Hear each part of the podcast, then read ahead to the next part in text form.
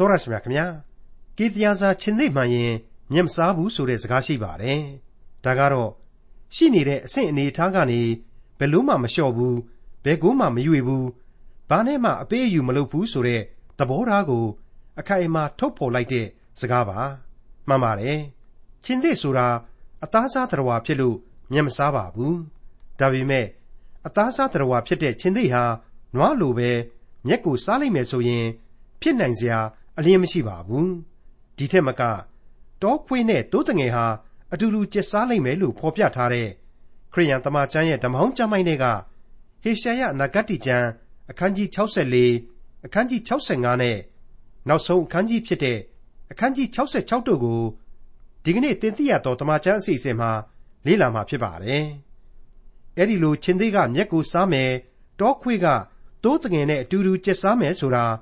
ဘယ်အချိန်ဘယ်ကာလကြာမှ ဖြစ်မှာလဲ။ဘာကြောင့်ပါလဲ။ဒီအချင်းအရာဒီမြင်ကွင်းတွေဟာဖန်ဆင်းရှင်ထာဝရဘုရားဖန်ဆင်းတော်မူမဲ့ကောင်းကင်သစ်နဲ့မြေကြီးသစ်တို့ရဲ့တရုတ်တရံမြင်ကွင်းတွေဖြစ်တယ်ဆိုတာကိုအထင်ရှားတွေ့ရမှာဖြစ်တဲ့ဟေရှာယနဂတိကျမ်းအခန်းကြီး64အခန်းကြီး65နဲ့နောက်ဆုံးအခန်းကြီးဖြစ်တဲ့အခန်းကြီး66တို့ကိုဒေါက်တာထွန်းမြတ်ရေးကအခုလိုရှင်းလင်းတင်ပြထားပါတယ်။ မိတ်ဆွေတော်တတ်ရှင်အပေါင်းတို့ဣသရေလရဲ့နောင်တများစွာနဲ့ဆုတောင်းခြင်းကလေးအကြောင်းကိုနားဆင်ပြီးတော့ပြီးခဲ့တဲ့သင်ခန်းစာကိုကျွန်တော်တို့ညီကုန်းချုပ်ခဲ့ပါတယ်။ဣသရေလလိုပဲယုံကြည်သူအသင်းတော်ဟာလေဆုတောင်းတတ်ရလိမ့်မယ်။ဆုတောင်းသင့်လှတယ်ဆိုတာကိုကျွန်တော်တိုက်တွန်းအားပေးခဲ့ပြီးပါပြီ။မိတ်ဆွေများဒီနေ့အဖို့မှာတော့ကျွန်တော်တို့ဟာဟေရှာယအနာဂတိကျမ်းကိုညီကုန်းချုပ်ရတော့မှာဖြစ်ပါတယ်။အခုစတင်ဖော်ပြသွားမယ့်အခန်းကြီး64ဟာလေ ပြီးခဲ့တဲ့အခန်းကြီး63နဲ့ဆက်ဆက်နေတယ်လို့မြင်ရပါလိမ့်မယ်။ဣသရေလလူမျိုးတော်ရဲ့ကောင်းကင်နိုင်ငံတော်အတွက်ဆက်လက်တန်းတာခြင်းမြည်တမ်းခြင်းနဲ့မျှော်လင့်ခြင်းဆိုတာတွေကိုတွေ့ရအောင်မှာဖြစ်ပါတယ်။အဲဒီလိုနိုင်ငံတော်အတွက်မြည်တမ်းခြင်းဆိုတာဟာပြင်းထန်သောစီရင်ခြင်းနဲ့ခရစ်တော်ကြွလာပြီးတော့အလွန်အလွန်ခဲရင်ဆိုးရုပ်သောအချိန်ကာလမိလောင်ခြင်းအပြင်လောကတခွင်ကိုတရားစီရင်ပြီးတဲ့အချိန်မှဖြစ်လာရမယ်ဆိုတာကိုကျွန်တော်ဟာအချိန်ချင်းဖော်ပြပြီးဖြစ်ခဲ့သလို အဲ့ဒီဒုက္ခခံစားရအချိန်ကာလမှာယုံကြည်သူတို့ရဲ့အသင်းတော်ကတော့ကြိုတင်သိမ်းဆည်းခြင်းကိုခံရပြီးပြီဆိုတဲ့ကျွန်တော်ရဲ့အမြင်ကိုပါဖော်ပြခဲ့ပြီးပြီလည်းဖြစ်ပါလေဒါနှုတ်ကပတ်တော်ကိုအသေးစိတ်ပိုင်းခြားလေ့လာပြီးတော့ထုတ်နှုတ်ရယူသောကျွန်တော်သင်သိရသောတမန်ကျမ်းရဲ့အဖြစ်ဖြစ်ပါတယ်ဘယ်လိုပဲပြောပြောအဲ့ဒီကပ်ကာလမတိုင်မီသိမ်းဆည်းခြင်းကပ်ကာလနဲ့ကောင်းကျင်နိုင်ငံတော်မြေပေါ်မှာတည်ခြင်းဆိုတာတွေ့ဟာနည်းနည်းလွန်းတဲ့အရာတွေဖြစ်တယ်ဆိုတာကိုကျွန်တော်ဝန်ခံတယ် အချိန်ကာလနဲ့အခြေအနေတွေဟာအတိုးအဆုတ်ရှိနိုင်တယ်ကျွန်တော်လက်လှမ်းမမီနိုင်လောက်အောင်ရှိတယ်ဆိုတာကိုတော့ကျွန်တော်အထက်ထပ်ဖော်ပြခဲ့ပြီးဖြစ်တဲ့အတိုင်းပဲမိษွေတို့ကိုအခုလဲဆက်လက်ဝန်ခံဖော်ပြပါရစေဟေရှာယအနာဂတိကျမ်းအခန်းကြီး64အငယ်1မှ9 ကိုတော်သည်မိုးကောင်းကင်ကိုဖွင့်လှစ်၍ဆင်းသက်တော်မူပါစေသောရှေ့တော်၌တောင်တို့သည်လှုပ်ကြပါစေသောမိသည်အမိုက်ကိုလောင်တကဲ့သို့၎င်းရေကိုစူစေတကဲ့သို့၎င်းဖြစ်ပါစေသော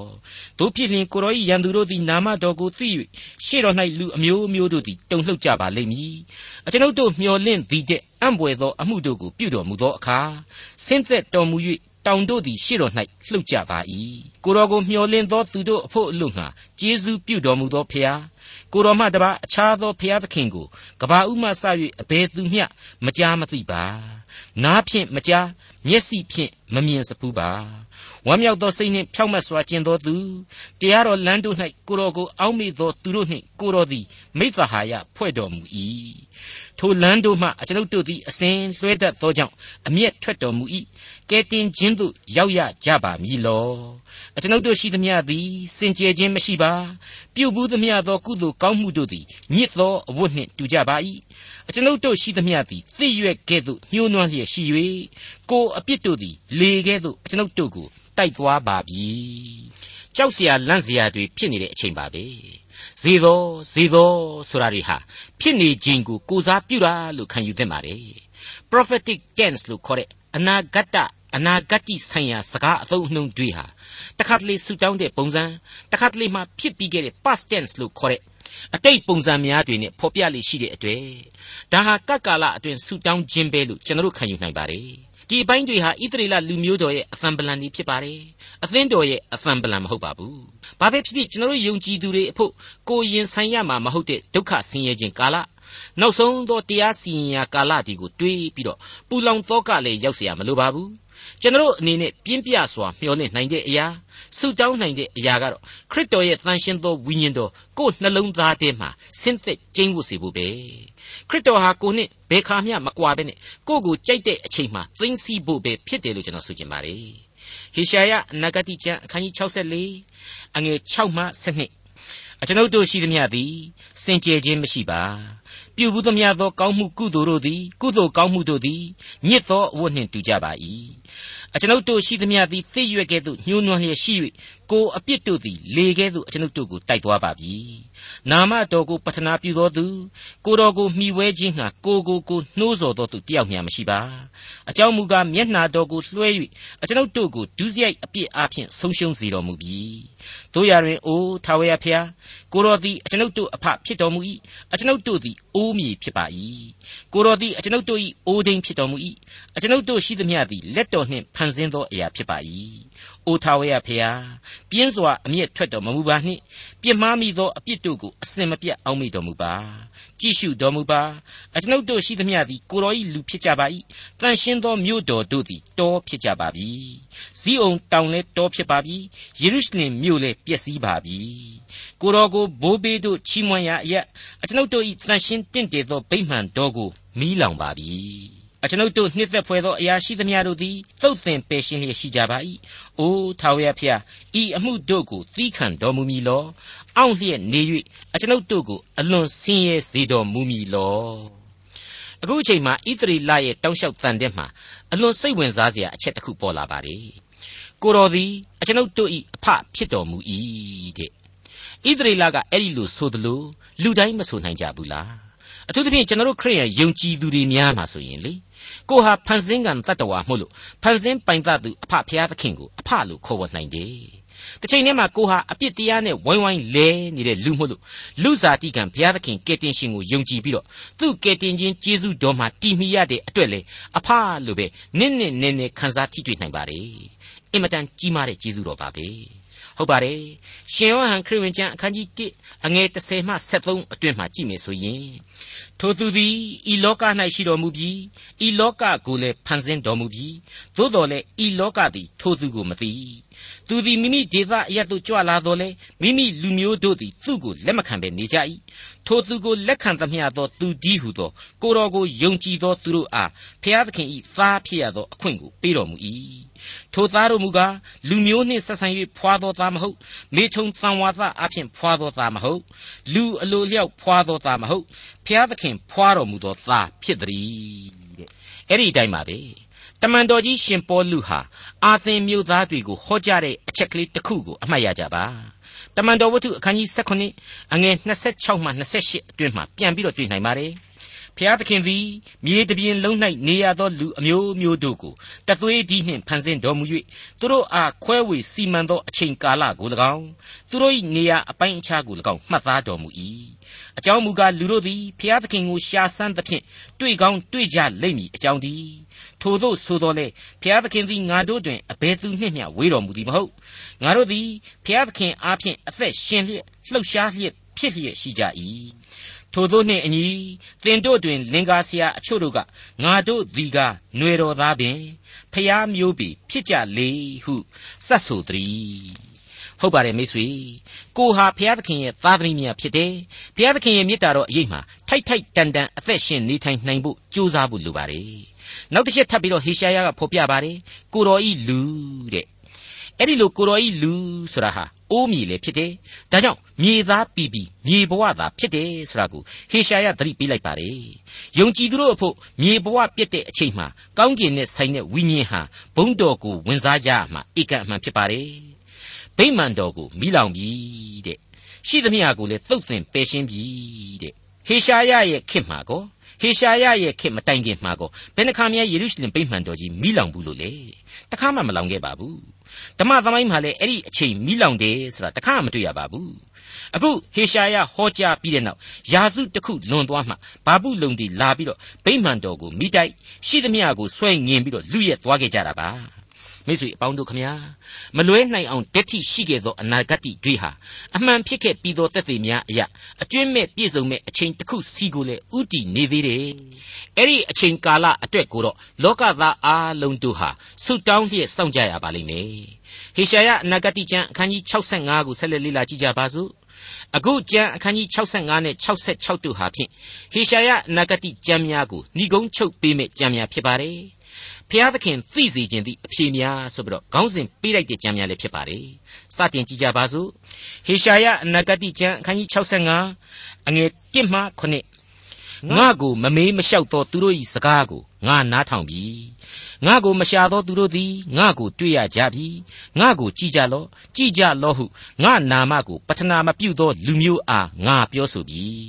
မိမိအလိုအတိုင်းမကောင်းသောလမ်းကိုလိုက်၍ညှင်းဆန်တတ်သောလူမျိုးကိုမျက်နှာပြုလျက်တနေ့လုံးငါသည်ကိုလက်ဝါးကိုဖြန့်ရပြီ ထိုလူမျိုးသည်ဥယျာဉ်၌ရစ်ပူဇော်၍အုပ်ပေါ်မှလောဗန်ကိုမိရှို့သဖြင့်ငါအမျက်ကိုနှိုးဆော်ခြင်းဟာငါမျက်မှောက်၌အစဉ်ပြုတတ်၏သင်္ချိုင်းမှနေ၍သင်္ချိုင်းတွင်း၌အိတ်တတ်၏ဝက်သားကိုစား၍ယွန်ရှာပွေသောအမဲသားပြုတ်ရည်ကိုတောက်တတ်၏ သူတို့ကလည်းသင်သည်အသီးအခြားနေလော့ငါထံသို့မချင်းနှင့်ငါသည်သင့်တဲ့သာ၍တန့်ရှင်းသည်ဟုဆိုရ၏ထိုသို့သောသူတို့သည်ငါနှာခေါင်း၌မိโกကဲ့သို့၎င်းအစဉ်လောင်သောမိကဲ့သို့၎င်းဖြစ်ကြ၏ငါရှိမှစည်ရင်မှတ်လျက်ရှိသည်ဖြစ်၍ငါသည်တိတ်ဆိတ်စွာမနေ အကျိုးအပြစ်ကိုဆက်ပေးမည်သင်တို့၏ဒုစရိုက်အပြစ်ကို၎င်းတောင်ပေါ်မှလောဘံကိုမိရှု၍ကုန်းပေါ်မှငါကိုကဲ့ရဲ့သောသင်တို့ဘိုးဘေး၏ဒုစရိုက်အပြစ်ကို၎င်းသင်တို့ရင်ခွင်၌ငါဆက်ပေးမည်အကယ်စင်စစ်သူတို့ပြုဘူးသောအကျင့်တို့၏အကျိုးအပြစ်ကိုသူတို့ရင်ခွင်၌ငါချင်၍ပေးမည်ဟုထာဝရဘုရားမိန့်တော်မူ၏ ဘာကြောင့်ဒီလူမျိုးတော်အပြစ်သင့်ရပြီလဲဆိုတာကိုအခုလိုရှင်းပြလိုက်ခြင်းဖြစ်ပါတယ်ငါကိုကြည်ကြပါကြည်ကြပါဆိုတာကိုမကြည်ခဲ့ကြလို့အခုလိုငါပြောရပြီတဲ့မကောင်းသောလမ်းကိုလိုက်တယ်ပြည့်ညတ်တော်တွေကိုချိုးဖောက်တယ်အမျက်တော်ကိုနှိုးဆော်တယ်တဲ့အဲ့ဒီအထက်မှာအထိမိဆုံးအချက်ကလေးဟာပါလေသင်ကြိုင်းတွင်းမှာအိတ်တက်ဤတဲ့အဲ့ဒါဟာအပြစ်တရားရဲ့အဖို့အခဖြစ်တဲ့သေခြင်းရဲ့အရေးကိုပြောလိုက်တာပါ အမှန်တကယ်သင်ချိုင်းကုန်းမှာသွားပြီးတော့စောင့်ချုံပြီးအိတ်နေတာကိုဆိုလိုခြင်းမဟုတ်ပါဘူးအဲ့ဒီလိုအပြစ်တရားတွေလွှမ်းမိုးနေတဲ့အတွက်ကြောင့်အကယ်စင်စစ်သူတို့ပြုဘူးသောအကျင့်တို့၏အကျိုးအပြစ်ကိုသူတို့ရင်ခွင်၌ငါချင်၍ပေးမည်တဲ့မိတ်ဆွေပြည့်ညတ်တော်ကာလရဲ့အနာဂတ်မှုလို့အသေးစိတ်ဖော်ပြတဲ့နေရာမှာဝက်သားစားတာတွေအခြားတားမြစ်ထားတဲ့အသားတွေစားတာတွေကိုပါထည့်သွင်းဖော်ပြထားပါတယ်ပြည့်ညတ်တော်မှာတားမြစ်ထားတဲ့အသားတွေစားတော့မှုဟာ ပြည့်ညတ်တော်ကာလမှာအလွန်အပြစ်ကြီးပါတယ်အနေအထိုင်အကျင့်တလိနဲ့ကိုးကွယ်ခြင်းပုံစံသတ်မှတ်ချက်တွေလူမှုရေးစည်းကမ်းတွေဆိုတာဟာလေအလွန်ပြင်းထန်လွန်းလှပါတယ်ဒီလိုပြင်းထန်လာတဲ့ပြည့်ညတ်တော်များကိုကြေးမုံမှန်ပမာကြည့်တယ်လို့ကြည့်ုံနဲ့ကိုဟာကယ်တင်ရှင်ရဲ့ကျေးဇူးတော်သာမရှိရင်ဘယ်နည်းနဲ့မှဒီအပြစ်တရားကမလွတ်နိုင်ဘူးဆိုတာကိုသိနိုင်ပါတယ်အခုအချိန်မှဆိုရင်ရှေးကာလပြည့်ညတ်တော်တို့ရဲ့အချုပ်အခြာဖြစ်တဲ့ငါ့ကိုမကြည့်ခြင်းရဲ့တနည်းအားဖြင့်ငါ့ကိုမမျှော်လင့်ခြင်းရဲ့ ပထနာမပြုခြင်းရဲ့တို့ဟာကြံအပြစ်တွေအကုန်လုံးကျူးလွန်သည်ဖြစ်စေမကျူးလွန်သည်ဖြစ်စေအပြစ်သင့်စေတာသာဖြစ်ပါလေဟေရှာယအနာဂတိကျမ်းအခန်းကြီး65အငယ်8မှ16တပံထာဝရဘုရားမိန့်တော်မူသည်ကားစပြစ်သီးပြွတ်၌စပြစ်ရည်ကိုတွေ့သောအခါမဖြတ်နှင့်မင်္ဂလာရှိသည်ဟုဆိုရတဲ့ကဲ့သို့ထို့အတူငါကျွန်တို့၏အကျိုးအလို့ငှာငါပြုမည်အကုန်အစင်မဖြဲယာကုပ်အမျိုးတဲကမျိုးစီကို၎င်းယုဒအမျိုးတဲကငါတောင်ကိုအမွေခံရသောသူကို၎င်းငါထုတ်ဖော်မည်ငါရွေးကောက်သောသူတို့သည်ပြည်တော်ကိုအမွေခံ၍ငါ၏ကျွန်တို့သည် နေရကြလိမ့်မည်ငါကိုရှာသောငါ၏လူတို့အဖို့ရှာတုံအရက်သည်သိုးကြံဖြစ်လိမ့်မည်အာခေါ်ကြိုင်သည်လေနွားများအိယာအရက်ဖြစ်လိမ့်မည်သင်တို့မူကားထာဝရဘုရားကိုစွန့်ပစ်တော်သူငါ၏တန်ရှင်းသောတောင်ကိုမေ့လျော်တော်သူဂါဒဘုရားရှိမှစပွဲကိုခင်း၍မေနိဘုရားအားသွန်းလောင်းရာပူဇော်သက်ကာကိုပြင်တော်သူဖြစ်ကြ၏သင်တို့ကိုငါရည်တွက်၍ဓား၌အမိရှိသမျှတို့သည်အသေးသက်ချင်းကိုခံရအောင်ဥချရကြလိမ့်မည် အကြောင်းမူကားသင်တို့သည်ငါခေါ်သောအခါမထူးကြငါပြောသောအခါနားမထောင်ကြငါမျက်မှောက်၌မကောင်းသောအကျင့်ကိုကျင့်ကြ၏ငါမနှစ်သက်သောအရာကိုရွေးယူကြ၏ထို့ကြောင့်အရှင်ထာဝရဘုရားမိန့်တော်မူသည်ကားငါဤကျွန်တို့သည်စားကြလိမ့်မည်သင်တို့မူကားမွတ်သိပ်ကြလိမ့်မည်ငါဤကျွန်တို့သည်တောက်ကြလိမ့်မည်သင်တို့မူကားရေငတ်ကြလိမ့်မည်ငါဤကျွန်တို့သည်ဝမ်းမြောက်ကြလိမ့်မည်သင်တို့မူကားရှက်ကြောက်ကြလိမ့်မည်ငါဤကျွန်တို့သည်ရှင်လန်းသောစိတ်နှင့်တည်ခြင်းဆိုကြလိမ့်မည်ည်သင်တို့မူကားဝန်းနေသောစိတ်နှင့်ငိုကြွေးကြလိမ့်မည်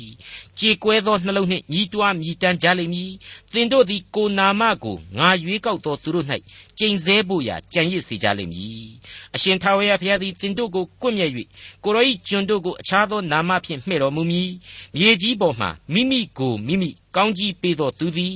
သစ္စာစောင့်တော်မူသောဘုရားသခင်ကိုအမိပြု၍ကောင်းကြီးပေးလိမ့်မည်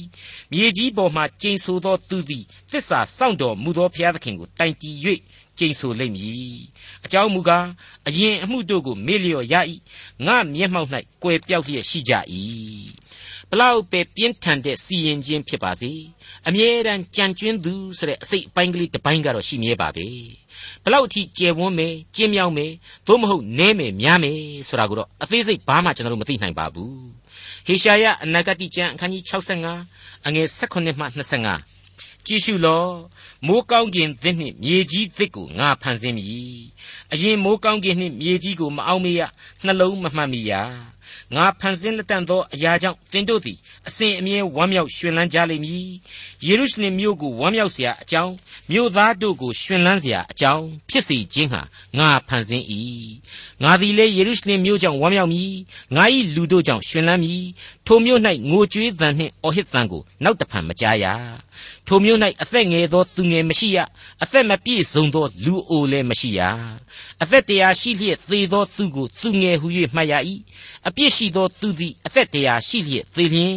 ကြိမ်ချင်းကိုခံရသောသူဟု၍မှတ်ရ၏ထိုသူတို့သည်ကိုဆောက်သောအိမ်၌နေကြလိမ့်မည်ကိုစိုက်သောစပြည့်ဥယျင်အသီးကိုစားကြလိမ့်မည်သူတို့သည်အိမ်ကိုဆောက်၍အခြားသောသူနေရမည်မဟုတ်သူတို့သည်စပြည့်ဥယျင်ကိုစိုက်၍အခြားသောသူစားရမည်မဟုတ် ငါဤလူတို့အသက်သည်သစ်ပင်ဤအသက်ကဲ့သို့ဖြစ်၍သူတို့သည်ကိုပြုစုသောအရာကိုကြာမြင့်စွာသုံးဆောင်ရကြလိမ့်မည်ငါရွေးကောက်သောသူတို့သည်အချီးနှီးမလုမဆောင်ရကြအသက်တူသောသားကိုမဖွားမမြင်ရကြ ကိုယ်တိုင်မှစ၍အမျိုးအနွယ်တို့သည်ထာဝရဘုရားပေးတော်မူသောကောင်းကြီးမင်္ဂလာကိုခံရသောသူဖြစ်ကြလိမ့်မည်ငါသည်သူတို့မခေါ်မီကပင်ထူမီရှောက်စဉ်တွင်ပင်ငါနားထောင်မည်တောကွေးနှင့်သိုးတငယ်တို့သည်အတူကျက်စားကြလိမ့်မည်ရှင်သေးသည်နွားကဲ့သို့မြက်ကိုစားလိမ့်မည်မွေမူကားမြေမှုန့်ကိုသာစားရလိမ့်မည်ငါ၏တန်ရှင်းသောတောင်တပြင်လုံး၌အချင်းချင်းညှင်းဆဲခြင်းဖျက်ဆီးခြင်းကိုမပြုရကြဟုထာဝရဘုရားမိန့်တော်မူ၏ အံ့ဘွယ်သောကာလဖြစ်ပါတယ်သိပ်ပံလွန်တကူတော်အရှင်ရဲ့အနာဂတ်တွေဖြစ်ပါတယ်ကျွန်တော်သမိုင်းမှာစိတ်ကူးတောင်မရင်နိုင်တဲ့ကောင်းကင်သစ်နဲ့မြေကြီးသစ်ရဲ့မြင်ကွင်းသစ်ပဲလို့ဆိုပါရစေမိတ်ဆွေအပေါင်းတို့အခုအချိန်မှာတော့ဟေရှာယအနာဂတ်ကျမ်းရဲ့ဏိဂုံးကျမ်းကြီးဖြစ်တဲ့အခန်းကြီး66ကိုစတင်ရောက်ရှိလာပါပြီအငယ်1မှ4ကိုစတင်နားဆင်ကြကြပါစို့ရဲ့ထာဝရဘုရားမိန့်တော်မူသည်ကား ကောင်းကင်ဘုံသည်ငါပလင်ဖြစ်၏မြေကြီးသည်ငါခြေတင်ရာခုံဖြစ်၏အဘယ်သို့သောဗိမှန်ကိုငါအဖို့တိဆောက်ကြမည်နည်းအဘယ်အရက်သည်ငါကျင်းဝတ်ရာအရက်ဖြစ်မည်နည်းဤအရာအလုံးစုံတို့သည်ငါကိုယ်တိုင်ဖန်ဆင်းသောကြောင့်ဖြစ်ကြ၏စိတ်နှိမ့်ချခြင်း နှလုံးကြေကွဲခြင်းငါစကားကြောင့်တုန်လှုပ်ခြင်းရှိသောသူကိုသာငါကြည့်ရှုမည်တဖန်မိန်တော်မူသည်ကားနွားကိုတတ်သောသူသည် လူကိုတတ်သောသူနှင့်တူ၏သိုးတငယ်ကိုရစ်ပူဇော်သောသူသည် ခွေးလေပင်ကိုဖြတ်သောသူနှင့်တူ၏အလှူဒါနကိုလှူဒန်းသောသူသည်ဝက်သွေးကိုလှူဒန်းသောသူနှင့်တူ၏လောဘန်ကိုမိရှို့သောသူသည်ရုတ်ထုကိုကောင်းကြီးပေးသောသူနှင့်တူ၏အကယ်စင်စစ်ထိုသူတို့သည်မိမိအလိုရှိရာလမ်းကိုရွေးကြ၏မိမိဆိုးညစ်သောအမှုတို့၌မွေ့လျော်ကြ၏ ငါသည်လေသူတို့ဘို့ဘေးဥပတ်များကိုရွေးမည်သူတို့ကြောက်သောအမှုကိုရောက်စေမည်အကြောင်းမူကားငါခေါ်သောအခါအဘယ်သူမျှမထူငါပြောသောအခါသူတို့သည်နားမထောင်ကြငါမျက်မှောက်၌မကောင်းသောအကျင့်ကိုကျင့်၍ငါမနှစ်သက်သောအရာကိုရွေးယူကြ၏စိတ်နှိမ်ချခြင်းနှလုံးကြေကွဲခြင်းငါစကားကြောင့်တုန်လှုပ်ခြင်းရှိသောသူတဲ့ မိတ်ဆွေအပေါင်းတို့လောကကြီးမှာတော့မကောင်းတာဘာမှမလုပ်အလှတွေဘုံဘောလော်လေလှူသဘောကလည်းအလွန်ကောင်းဖြူဖြူဖွေးဖွေးရေစေးငါးကြီးလောက်ကိုအပြစ်ကင်းပါတယ်ဆိုတဲ့ယောဘကြီးအကြောင်းကိုမှတ်မိကြမယ်ထင်ပါတယ်နော်အဲ့ဒီယောဘကြီးစီမှာတခုလိုနေတာကိုဘုရားသခင်ဟာမရရအောင်ညှစ်ထုတ်ပြီးယူခဲ့တယ်အဲ့ဒါကတော့နောင်တနဲ့ကြိုးပဲ့ကြေမွခြင်းဆိုတဲ့စိတ်အစဉ်ပဲဟုတ်ပါတယ်မိတ်ဆွေ ဖျားသခင်ကိုသူလိုချင်တာတွေပေးဖို့အရေးကြီးတယ်ကိုကကောင်းမယ်ထင်တာတွေနဲ့ကိုဖာသာကိုပျော်ပျော်ရွှင်ရွှင်ကြီးသွားပြီးတော့ပေးနေလို့မရဘူးနံဝိညာဉ်ဖြစ်တော်မူတဲ့သခင်ကိုနံဝိညာဉ်နဲ့သာကိုကိုရလိမ့်မယ်အဲ့ဒီကိုဝိညာဉ်ဟာရှေ့တော်မှာထိုက်တန်ဖို့နှုတ်ကပတ်တော်ရည်စင်းနဲ့လေအစဉ်တစိုက်ဆေးကြောနေရမှာပါခရစ်တော်ရဲ့အသွေးတော်နဲ့အစဉ်ဆေးကြောနေကြရမှာပါဟေရှာယအနာဂတိကျမ်းအခန်းကြီး66အငယ်9နဲ့6 ထာဝရဘုရား၏နှုတ်ကပတ်စကားတော်ကြောင့်တုန်လှုပ်သောသူတို့စကားတော်ကိုနားထောင်ကြလော့သင်တို့ကိုမုန်း၍ငါနာမကြောင့်နှင်ထုတ်သောညီအကိုတို့ကငါတို့သည်သင်တို့၏ဝမ်းမြောက်ခြင်းကိုမြင်ရမည်အကြောင်းထာဝရဘုရားသည်ဘုံပွင့်တော်မူစေသတည်းဟုပြောတတ်တော်လေရှက်ကြောက်ကြလိမ့်မည်မြို့၌အုပ်ကြက်ကြက်သောအသံဗိမာန်တော်တဲကထွက်သောအသံရန်သူတို့အားအကျိုးအပြစ်ကိုပေးတော်မူသောထာဝရဘုရား၏စကားသံပေတည်းသူရွေးနှုတ်လိုက်တဲ့လူစု သူနှစ်သက်တဲ့လူစုရဲ့တစ်ဖက်မှာဘယ်ရန်သူမှနေလို့မရနိုင်ဘူးဘုရားသခင်ကိုအပေါ်ယံကြောသွားပြီးတော့ကိုးကွယ်လို့မရနိုင်ပါဘူးဘုရားသခင်ကိုမောင်းပိုင်စီးတာမျိုးစီးလို့လည်းမရနိုင်ဘူးဆိုတဲ့အကြောင်းကိုဖော်ပြပေးလိုက်ပါတယ်အငယ်9မှ17ကိုဆက်လက်နားဆွင့်ကြည့်ကြပါစို့ဇီးအောင်တို့သမီးသည်သားဖွာခြင်းဝေဒနာကိုမခံမီသားကိုဖွာ၏ဝေဒနာခံချိန်မရောက်မီသားယောက်ျားကိုမြင်၏ ထိုသို့သောအမှုကိုအဘယ်သူသည်ကြားဘူးသနည်းထိုသို့သောအမှုတို့ကိုအဘယ်သူသည်မြင်ဘူးသနည်းတိုင်းနိုင်ငံကိုတနေ့ချင်းတွင် ဖွာရသလောပြည်သူပြည်သားအပေါင်းတို့ကိုတပြိုင်နက်ဖွာရသလော ဇီးုံတို့သမီးသည်သားဖွာခြင်းဝေဒနာကိုခံအံ့ဆဲဆဲတွင်သားများကိုဖွာမြင်ပါသည်တကားသားဖွာမိအကြောင်းကိုငါသည်စီရင်ပြီးမှမဖွာစေဘဲနေရမည်လောဟုထာဝရဘုရားမေးတော်မူ၏ငါသည်ပရိသေပေးပြီးမှမဖွာနိုင်အောင်ချုပ်ထားရမည်လောဟုသင်၏ဘုရားသခင်မေးတော်မူ၏ယေရုရှလင်မြို့ကိုချစ်သောသူအပေါင်းတို့သူနှင့်အတူဝမ်းမြောက်ရွှင်လန်းကြလော့ယေရုရှလင်မြို့အတွက်စိတ်မသာညှိတွားသောသူအပေါင်းတို့သူနှင့်အတူအလွန်ဝမ်းမြောက်ကြလော့တို့ပြုလျင်သူ၏ချမ်းသာခြင်းသားမြတ်ကိုစို့၍ဝကြလိမ့်မည်သူ၏စည်းစိမ်ကြွယ်ဝခြင်းအထက်ကထုတ်ယူ၍မွေ့လျော်ကြလိမ့်မည်ခရစ်တော်၏မွေးဖွားခြင်းကိုကြိုတင်ဗျာဒိတ်ပြုတယ်လို့ကျွန်တော်တို့မြင်နိုင်ပါတယ်သူနှင့်အတူဝမ်းမြောက်ကြလော့သူဤပြေဝစုံလင်သောကျေးဇူးတော်ကိုခံယူလော့လို့ဆိုလိုက်ခြင်းဖြစ်ပါတယ်ဟေရှာယနဂတိကျမ်းအခန်းကြီး66အငယ်7မှ14 ထာဝရဘုရားမိန့်တော်မူသည်ကားမြစ်ကဲ့သို့ချမ်းသာကို၎င်းစီးသောရေကဲ့သို့တပါးအမျိုးသားတို့၏စီးစိမ်ကို၎င်းယေရုရှလင်မြို့သို့ငါရောက်စေမည်သင်တို့သည်သားမြတ်ကိုစို့၍ခါ၌ချီခြင်းဒူးပေါ်မှမြှူခြင်းကိုခံစားရကြလိမ့်မည်အမိသည်သားငယ်ကိုနှစ်သိမ့်စေတဲ့ကဲ့သို့သင်တို့ကိုငါနှစ်သိမ့်စေမည်ယေရုရှလင်မြို့၌ချမ်းသာရကြလိမ့်မည်ထိုသို့တွေ့မြင်သဖြင့်သင်တို့နှလုံးသည်ရွှင်မြူး၍အယိုးတို့သည်စိမ့်လန်းသောအပင်ကဲ့သို့တန်ကြလိမ့်မည် ထာဝရဘုရား၏လက်တော်သည်လည်းကျွန်တော်တို့အား၎င်းအမျက်တော်သည်ရန်သူတို့အား၎င်းထင်ရှားလိမ့်မည် ကျွန်တော်ရဲ့ခံယူချက်အရာကပ်ကာလရဲ့တရားစီရင်ခြင်းမတိုင်မီမှာကလေးကဘုရားသခင်ဟာရွေးကောက်ခြင်းနဲ့ပယ်ရှင်းခြင်းနှမျိုးစလုံးကိုကြိုတင်ပြီးတော့လုံနှင့်နေပြီလို့ခံယူပါတယ်အဲ့ဒီအချိန်ကာလမှာကပ်ကာလရဲ့အရေးအငွေ့တွေဟာထင်ရှားစွာပေါ်လွင်လာနေပြီလို့လည်းကျွန်တော်ထင်ပါတယ်ဣသရေလဟာအဲ့ဒီအချိန်ကာလမှာအခုအချိန်ကာလတဲ့အတိုင်းအဆမဲ့စွာဖြင့်သာယာဝပြောလျက်ရှိနေလိမ့်မယ်လို့ကျွန်တော်ခံယူပါတယ်ဘာဖြစ်လို့လဲဆိုတော့အခုဆက်လိုက်တဲ့ကြံပိုင်ကြောင်းပါပဲ ဟုတ်ပါတယ်ဟေရှာယအနာဂတိကျမ်းအခန်းကြီး66အငယ်15မှ18ကိုကြည်ပါကြည့်ရှုလော့ ထာဝရဘုရားသည်ပြင်းစွာသောအရှိန်အားဖြင့်အမျက်တော်ကို၎င်းမိလျံအားဖြင့်ဆုံးမတော်မူခြင်းကို၎င်းထင်ရှားစွာပြခြင်းဟာလေပွေကဲ့သို့သောယထာတော်တို့ကိုစီး၍မိကဲ့သို့ကြွလာတော်မူလိမ့်မည်ထာဝရဘုရားသည်မိနှင့်ဓာအားဖြင့်လူတ attva အပေါင်းတို့ကိုအပြစ်ပေးတော်မူ၍ထာဝရဘုရားကွက်မြက်တော်မူသောသူတို့သည်များကြလိမ့်မည်တဖန်မိန်တော်မူသည်ကားဝက်သားကြွက်သားယွန်ရှာပွေသောအရာကိုစားလျက်ဥယျင်တို့တွင်အလယ်၌ရှိသောသူတစ်ယောက်နောက်သို့လိုက်၍မိမိတို့ကိုတန်ရှင်းစင်ကြယ်စေသောသူတို့သည်တပြိုင်နက်ပျက်စီးခြင်းသို့ရောက်ကြလိမ့်မည်သူတို့၏အကျင့်ကို၎င်းအကြံအစီတို့ကို၎င်းငါသိ၏ ဇာတိပဂရိရဲ့အလိုကိုအမြဲတမ်းသွေးထိုးလှုံ့ဆော်ပေးနေတာဟာလောကဥယျင်အလေကစာရန်မဏတ်ပဲဖြစ်ပါတယ်ကကာလစီရင်ခြင်းမှာစာရန်လူသား antichrist ဆိုတာဟာအကျွင့်မဲ့ကြဆုံသွားရအောင်မယ်ဆိုတာကိုသတိရဖို့ရန်အတွက်ဖော်ပြလိုက်တယ်လို့ကျွန်တော်ခံယူပါတယ်အငယ်16မှ21အချိန်တန်မှဘာသာစကားခြားနာသောလူအမျိုးမျိုးတို့ကိုငါစည်းဝေးစေသဖြင့်သူတို့သည်လာ၍ငါ၏ဘုန်းကိုဖူးမြင်ကြလိမ့်မည် ထိုသူတို့တွင် အလံကိုငါထူမည် ဘေးလွတ်သောသူတို့ကို တာရှုပြီးဖုလပြီးလေးလက်နှက်ကို သုံးတတ်သောလူဒပြီးတုပလပြီးယာဝန်ပြီးမှစ၍ငါဤနာမကိုမကြား ငါဤဘုံကိုမမြင် ဝေးစွာသော တကြွတနိုင်ငံအရက်သို့ဆေလွတ်သဖြင့် တပါးမျိုးသားတို့တွင် ငါဤဘုံကို ဟောပြောကြလိမ့်မည် ဣသရေလအမျိုးသားတို့သည် စင်ကြယ်သော ဖလားစသည်တို့နှင့် ပူဇော်သက်ကာကိုဗိ မာန်တော်သို့ဆောင်ခဲ့တဲ့ကဲ့သို့ထိုသူတို့သည်သင်တို့၏ညီအကိုအပေါင်းကိုမြင်းယထာထန်းစဉ်မြဲကလုတ်ပေါ်၌တင်၍ထာဝရဘုရားအားပူဇော်ဖို့ရာခသိန်းသောအပြည်ပြည်တို့မှငါ၏တန်ရှင်သောတောင်းယေရုရှလင်မြို့သို့ဆောင်ခဲ့ကြလိမ့်မည်ဟုထာဝရဘုရားမိန့်တော်မူ၏ထိုသူအချို့တို့ကိုငါရွေးယူ၍ယစ်ပရောဟိတ်အရာနှင့် လေဝိလူအရာ၌ခံထားမည်ဟုထာဝရဘုရားမိန့်တော်မူ၏ မိတ်ဆွေကောင်းကင်သစ်နဲ့မြေကြီးသစ်ရဲ့မြင်ကွင်းတွေပါဘယ်လောကရသိပ္ပံအမြင်နဲ့မှတိုင်းတာသုံးသပ်လို့မရနိုင်ပါဘူးဘုံတကိုးတော်အားဖြင့်သာတည်ရမယ့်အရာတွေပါဟေရှာယအနာဂတိကျမ်းအခန်းကြီး66အငယ်22မှ24အဆုံးအထိ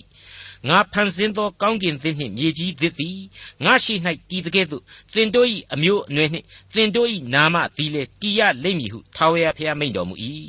လူတ attva အပေါင်းတို့သည်ငါရှိမှကိုးကွယ်ခြင်းဟာလာဇန်နေ့နှင့်ဥပုပ်နေ့အစဉ်အတိုင်းလာကြလိမ့်မည်ဟုထာဝရဘုရားမိန့်တော်မူ၏ထိုသူတို့သည်ငါကိုပြစ်မှားသောသူတို့၏အသေးကောင်များကို ထွက်၍ကြည့်ရှုကြလိမ့်မည်သူတို့၏ပိုးသည်မသိနိုင်ရာသူတို့၏မိသည်လည်းမငြိမ့်နိုင်ရာ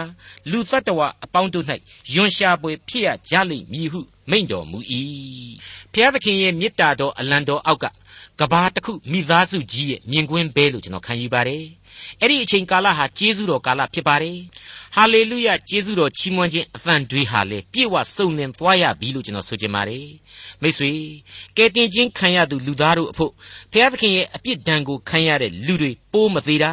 မိမငိမ့်တာကိုသိကြရလိမ့်မယ်တဲ့ဒါဟာမတရားသောသူတို့၌ငြိမ်သက်ခြင်းအရှင်းမရှိဆိုတဲ့တစ္ဆာတရားကိုထပ်မံဖော်ကျူးလိုက်ခြင်းပါအိုကောင်းကင်ကြားလော့ အိုမြေကြီးနားဆင်လော့ဆိုပြီးတော့ဟေရှာယအနာဂတ်သင်ခန်းစာတွေဟာစခဲ့ပါတယ်ငါစကားကိုနားထောင်ကြအဲ့ဒီလိုသာငါစကားကိုနားထောင်မယ်ဆိုရင်ကောင်းကင်သစ်နဲ့မြေကြီးသစ်မှာမင်းတို့ထာဝရရှင်သန်ရမယ်ဆိုတဲ့အကြောင်းနဲ့ဏိကုံးချုပ်ပေးလိုက်ကြောင်းတင်ပြအပ်ပါတယ်ခင်ဗျာဒေါက်တာထွန်းမြတ်၏စီစဉ်တင်ဆက်တဲ့တင်ပြရတော်တမချန်းအစီအစဉ်ဖြစ်ပါတယ်ခရိယန်တမချန်းရဲ့ဓမ္မဟောင်းကျမ်းပိုင်းတွေကဟေရှာယအနာဂတ်ကျမ်းကိုလေ့လာပြီးစီးခဲ့တဲ့နောက်မှာတော့ ခရိယန်တမန်ကျမ်းရဲ့ဓမ္မသစ်ကျမ်းပိုင်းတွေကတက်တာလောနိဩဝါဒစာပထမဆုံးကိုဆက်လက်လေ့လာသွားမှာဖြစ်တဲ့အတွက်တက်တာလောနိဩဝါဒစာပထမဆုံးလေ့လာမှုဏ္ဍာန်းပိုင်းကို နောက်တစ်ချိန်သင်သိရသောတမန်ကျမ်းအစီအစဉ်မှာစောင့်မျှော်နားဆင်နိုင်ပါတယ်။